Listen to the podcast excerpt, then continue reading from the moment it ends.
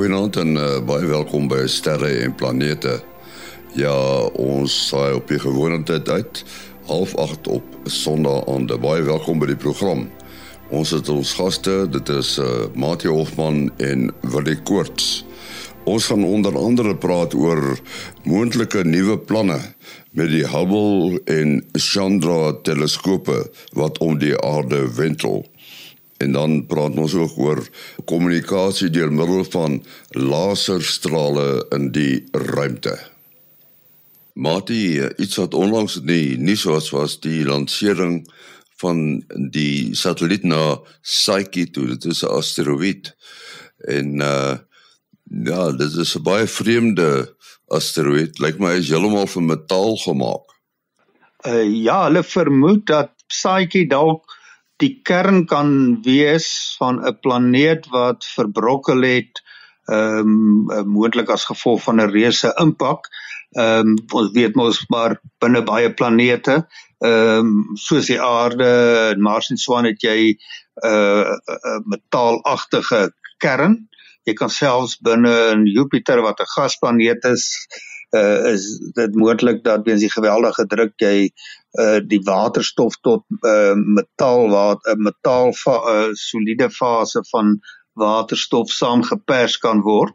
Uh, nou die aard van die saak as mens nou die groot storie uh, dink hoekom die wetenskaplikes en sterrekundiges hierdie goed doen is hulle uh wil die verskillende aspekte van die sonnestelsel se geskiedenis uh ontrafel en uh, hoe meer verskillende fases van verskillende liggame jy kan bestudeer, uh hoe meer leidrade kry jy en as 'n mens nou kan gaan uh, waar mens nou gewoonlik moet raai oor wat gaan by die kern van 'n planeet aan as dit nou bevestig kan word dat Psyche uh, die kern van 'n planeet was uh, wat wat nou blootgelê is dan sit natuurlik 'n reuse bonus. Uh, nou een manier om daaroor uitsluiting te kry is om by nader ondersoek te gaan bepaal uh is die metaal al wat waaruit dit dan nou in 'n groot mate bestaan is dit in 'n rower ertsvorm of is dit in 'n uh, het dit deur 'n stadium van smelting gegaan wat natuurlik 'n geval sal wees binne die geweldige hitte in die uh, kern van 'n planeet. Nou die uh uh, asteroïde is in die uh, asteroïde gordel tussen Mars en Jupiter. En uh, terwyl hulle hom nou vroeër die maand gelanseer het ek kan nou nie die presiese datum onthou nie maar dit was hier so rondom die middel uh, bietjie voor die middel van Oktober ehm uh, het hulle 'n ander belangwekkende eksperiment wat hulle daarmee saam doen uh, waar waarmee hulle diep ruimte uh, optiese kommunikasie met lasers na die aarde toe wil toets. Uh nou ons weet ons het al uh, meermale daaroor gesels dat die kommunikasie met die ruimtetuie uh is mos nou maar met met radiogolwe en dit is nie sonder uitdagings nie. Mense uh, uh jy het bandwydte nodig en jy wil graag vinnig en in detail kan kommunikeer. Uh byvoorbeeld hoë resolusie fotos kan oordra in groot hoeveelhede daarvan. Uh uh baie baie uh wel kom ons sê gigabytes en later terabytes uh, se data. Uh laser kommunikasie wat jy die inligting op die uh lasers enkodeer uh kan jy 'n baie skoon vorm van kommunikasie uh kry. Uh en dan kan jy ook in beginsel vinniger kommunikeer mits natuurlik jou lasers uh helder genoeg is om op groot afstande te kan te kan werk. Uh nou ja, hierdie tegnologie gaan hulle dan nou die eerste keer uit die diep ruimte uit uh toets met ander woorde nie net hierso tussen satelliete in bane om die aarde nie. Ja, want nee, dit is 'n uh, 'n nikkie nê dat hulle laser wil gebruik om te kommunikeer. Ek wonder uh hoe die deep space netwerk daardeur geraak gaan word. Ja, ek het nog al dieselfde ding gedink want uh ons het ons nou laaste al met met met Jim ook gepraat oor uh, SpaceX uh is nou al 'n rukkie aan die gang, maar soos Martin nou gesê het, kommunikasie tussen satelliete wat relatief naby is, so hier praat jy nou van van uh baie langer afstande. Ja, die ding se afkorting is DSOC, DSOC.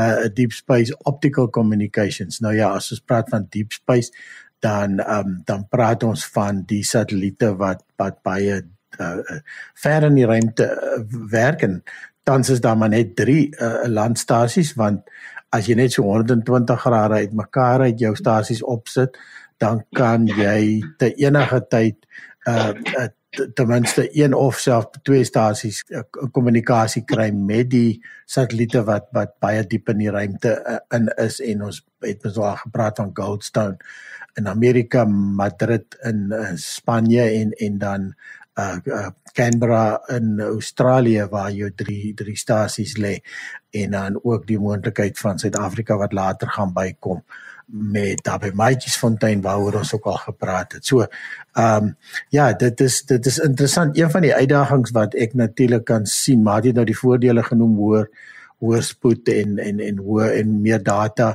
ehm um, die die uh, die die mik van jou van jou laser uh, stelsel gaan natuurlik meer kritiek moet wees en dit is nou waar die voordeel van radio bietjie help jy jy hoef net so min of meer in die rigting te te te wys. Ehm um, maar dis natuurlik nou ook sy nadeel omdat die sein dan baie uitsprei. Maar wat my ook al verbaas het is destyds die goed waar Milou Barendse op betrokke was van uh, waar hulle die uh, wat hulle noem laser ranging doen. Uh, uh is 'n stelsel wat laser uitskiet en dan ehm um, noem dit maar kat oogies wat of op satelliete uh gemonteer is en dit is weer relatief naby, maar hulle werk ook na die maan toe waar die Apollo sendinge nog van hierdie wat noem retro reflectors gelos het. So dit is 'n interessante 'n baie slim uh, stelsel met ek dink hulle by ten minste 3 speels en dan maak dit die saak van watter rigting jy op hom skyn nie die die sein gaan altyd terug. Dieselfde soos wat 'n fiets of 'n voertuig se uh, se wat ons nou in die ou naam ou name ou dae gepraat van 'n reflektor daardie uh, daardie daardie blink dingetjie op jou op agter op jou fiets of of kar. Wat my verbaas het is dat hoe ver die sein uitsprei uh, uh is op die afstand van die maan. Selfs 'n laser waar die die die strale uh um almal half parallel trek dan teen die tyd dat selfs 'n laserstraal by die maan uitkom dan het hy ook al redelik uitgesprei en dan uh, uh, vang die kat oogie hom en stuur die uh, die die weerkaatsing terug aarde toe. En dan is die uh um uh, die sy nog 'n bietjie uitgesprei so dit wil sê jy verloor nogal syn so jy moet by ou en fyn instrumentasie nodig hê. Ja ja want dit lyk vir my ook een van die einddoele van hierdie stelsel is dat hulle hoop dat wanneer die sendinge Mars toe gaan en dis nou hoekom hulle dit nou uitprobeer en eksperimenteer daar daarmee as hulle uiteindelik sendinge Mars toe hê uh, dat hulle uh, kan beeldkommunikasie jy weet dat jy kan beelde stuur en nie net en nie net uh, stemboodskappe nie. Uh so dit is 'n interessante uh, fenomeen fenomeen wat hulle hiermee besig is en ek ja die, die, wil jy wat mense natuurlik ook moet noem wat die uh, deep space uh, netwerk uh, betref, uh, dit is nou die onmiddellike toekoms van groot belang met uh, die Artemis projek en die sendinge mm. na die maan toe, maan toe hmm. terwyl nou uh, ek dink die ge, die laserkommunikasie oor baie groter afstande is tussen satelliete is nou nog in die eksperimentele fase, so dit gaan nie betroubaar genoeg en gereed wees vir die onmiddellike toekoms nie. Ehm um, wat ek nou wonder oor, as jy het nou verwys na die uh die laser afstandmetings en satelliet uh, volging daar by Hartrau. Ek dink hulle het nou 3 stasies. Ehm um, die die een wat onlangs bygevoeg is is 'n Russiese instrument. Uh hulle het nou die die ruimtestasie uh se monitering ehm um, en op die die die kyk vir uh, uitkyk vir afval en so aan wat dit kan bedreig uh, as as die primêre rede daarvoor genoem en dan nou twee uh vroeëre stelsels maar uh, daardie stelsels het ook bykomende radar wat daardie lasers kan uh afsit as daar enigsins ligverkeer binne gevaarlike oh, ja. afstand kom nou uh ja. ja ek kan nou voorstel diep ruimte uh, stelsels gaan nog baie baie helderder moet wees Ehm um, ja. so dis seker 'n komplikasie. Uh, jy sal nie daardie soort kommunikasie enigstens te eniger tyd wil uh wil moet afsit nie. So, ek kan my voorstel dit sal seker iewers in 'n woestyn waar jy kan sê vliegtye moet daai gebied uh, uh vir my ek raai nou maar, maar dit ja. sal 'n uh, groot oorweging wees. Ja, maar in elk geval die die dit is opwindend om die uh, die ontwikkelings te sien, maar dit is net 'n uh, uh, indrukwekkend om te weet ook op watter tydskaal hulle moet beplan hè. As hulle iets oor 10 jaar wil gebruik, dan moet hulle nou al eh, weet die die die eksperimentele sendinge doen of die die die loodsstelsels uh want in die goed wat in die teorie werk uh, gaan nie werk nie altyd so goed in die praktyk nie en ons weet in die ruimte kan jy dit nie gaan regmaak as dit baie keer werk nie. Ja, die die die die uh, woestyn sal nog altyd 'n goeie idee wees vir wolk, bewolktheid ook want jou radiokommunikasie word nie deur wolke beïnvloed nie, maar ek is seker van laser sal uh hy kan ja. nie deur die wolke werk nie. Ja. Ja, ja. Ja. Dan kan jy op grond van jou jou jou kennis oor kommunikasie uh, miskien dink wat se tipe golflengtes uh vir laserkommunikasie ehm um, die beste sou wees. Mm, ja, dit sal definitief nie iets wees wat die atmosfeer, die, die atmosfeer afgesny. Ja, ja, ja, dit is waar, ja. Dit gaan waarskynlik so, nie ehm um, ja, kyk baie van die infrarooi word juist deur die atmosfeer ge, geabsorbeer. Maar infrarooi het natuurlik nou weer 'n beter 'n uh, uh, uh, uh, penetrasie vermoë as jy nou net dink hierdie groen lasers wat ons gebruik. Jy kan juis die straal sien omdat dit verstrooi word en jy kan dit in die lig kom terug na jou oog toe. Dis waar. So ja. uh, so jy as jy na die infrarooi toe werk, want 'n uh, gewone rooi laser kan jy glad nie die straal sien nie. Ja. Want dit ja. dit gaan reg deur die atmosfeer. Hoe hoor jy daai laser gaan sit ook hoe beter uh want dan het jy baie minder atmosfeer wat verstrooiing hmm. en absorpsie en so aan kan veroorsaak. Dis reg, ja. Mati, uh, ons sien almal die Hubble teleskoop, die optiese teleskoop en dan natuurlik die ekstra teleskoop, die Chandra wat nou al 'n hele klomp jaar in 'n wentelbaan om die aarde is. Maar nou lekker met die geld het opgedroog. Uh ja, hulle moes al uh, voorheen um, weer begrotings goedkeur en dit is altyd die geval met sulke projekte wat baie lank leef dat hulle hulle sê aanvanklike begroting vir 10 of 20 jaar en waar trek Abel nou al 20 is al ehm um, oor die 30 jaar.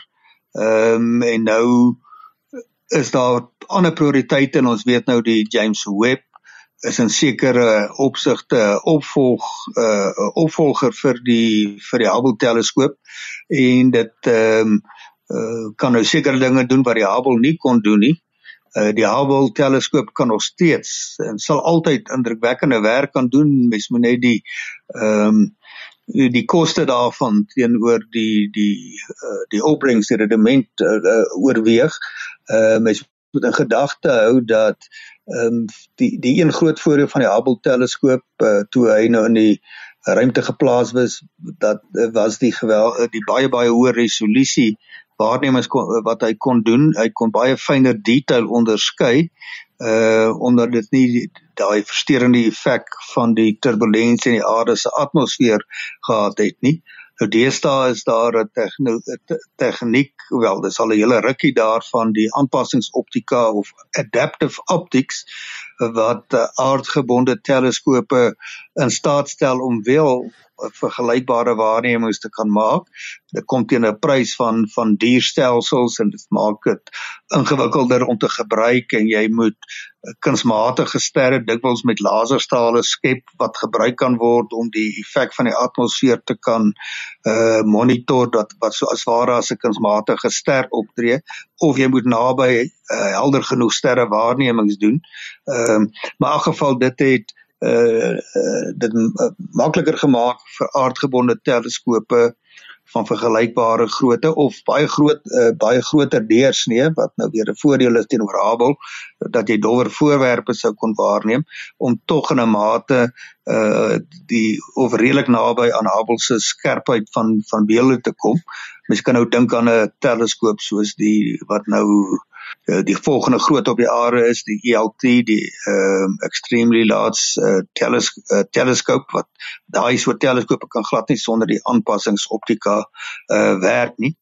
Maar wel dit is nou hartseer dat mense nou die nuus van Hubble want hy's 'n ikoon baie ikoniese status uh, verwerf en 'n geweldige uh, groot impak op die hele die wêreldbevolking gemaak wat be, bewustheid betref deur die ab, absoluut aanskoulike beelde en eh, en nie net aanskoulik nie maar baie insiggewende beelde wat die Hubble teleskoop uh verkry het. Maar dit is nou juis in hierdie jaar uh in hierdie maand as ware die 100-jarige herdenking van die groot uh, deurbraak wat Edwin Hubble gemaak het.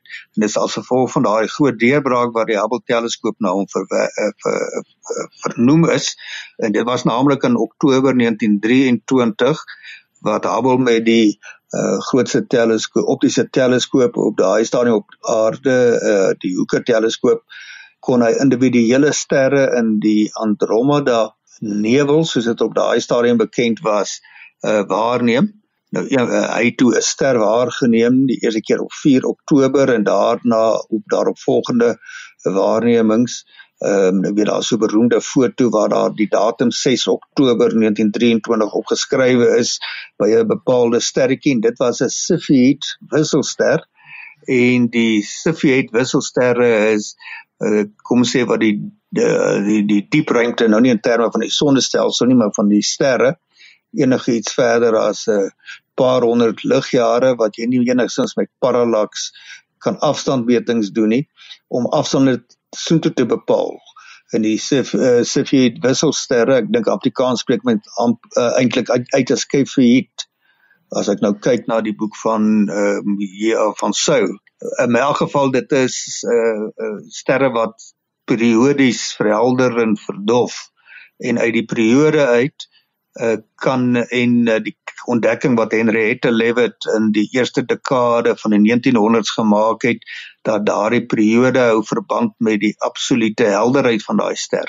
So as jy nou uit die periode die absolute helderheid van die ster kan uh, bepaal, en jy meet die helderheid wat jy dit met jou teleskoop sien, dan kan jy die afstand bepaal. En dis wat Hubble toe kon doen um, met die uh, Andromeda sterrestelsel en toe hy ehm um, die skokkende ontdekking en 'n sekere sin skokkend dat die Andromeda sterrestelsel ver buite ons eie Melkweg is. Met ander woorde dat die Melkweg nie die uh, die heelal is nie. Ek meen uh, dit was net 'n onsagwekkende ontdekking.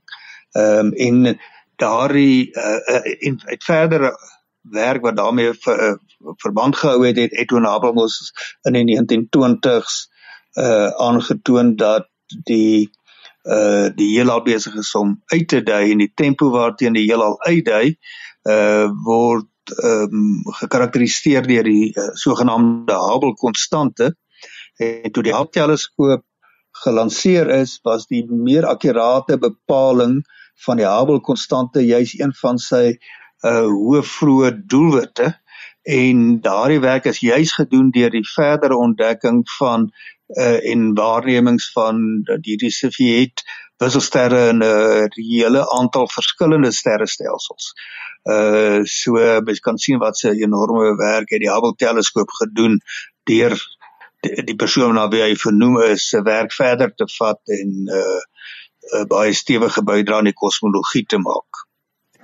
Ja, weet jy, ek het nou 'n soortgelyke artikel uh uh geskryf vir die uh, rapport. Eintlik uh, hy sal seker so dieselfde dag as die program nou uitgaan uh, want dit is soos jy sê dit was 'n paradigma skuiving verskywing eintlik eintlik daai eerste uh uh Henrietta Leavitt se se ontdekking wat jy kan maar amper sê dit het die son van die uh van die van die uh, middelpunt van ons sterrestelsel tot op die kant gesit en en Edwin Hubble het toe die die melkweg van die middel van die heelal op die kant geskuif.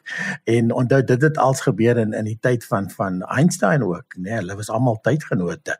En net ongelooflik as jy nou dink aan dit het die mense duisende jare gevat net om die om die volgorde van die planete reg te kry, weet. Ja, ja Einstein het as 'n beroemde foto van Einstein wat vir Hubble by daai einste hoeker teleskoop ontmoet het en na aanleiding van Hubble se uh, uh waarnemings wat gedui het op die uitdaging van die heelal het Einstein uh moes erken hy het 'n groot fout gemaak in sy uh vergelykings van sy vergelykings die algemene relativiteitsteorie het voorspel dat die a dat die heelal dinamies is dat ruimte moet rek en hy kon dit nie aanvaar nie dit wat het het nie ingepas by daai uh by die uh kon sê die paradigma van daai tyd nie. Uh so hy het sy vergelykings gaan ehm um, kom sê gaan uh, wat sê mooi woord daarmee uitgegorrel daarmee uh, hy het gaan kook hy gaan kook dis wat ons mos altyd sê. Die studente met hulle praktiese metings doen dat die ding reguit werk. Dan kook jy jou metings. Uh jou jou, jou vir, uh, hy het sy vergelyking nie die meting enige metings ge, gekook nie maar dan op 'n intelligente manier met die sogenaamde kosmologiese konstante. En hy het gesê dit was die grootste fout van sy lewe. Maar in elk geval later van tyd toe die, die ding van donker energie en die versnellende uitdaging van die heelal weer in die hier laat 1990s uh na vore getree het, het daai konstante tog weer 'n nuwe betekenis gekry.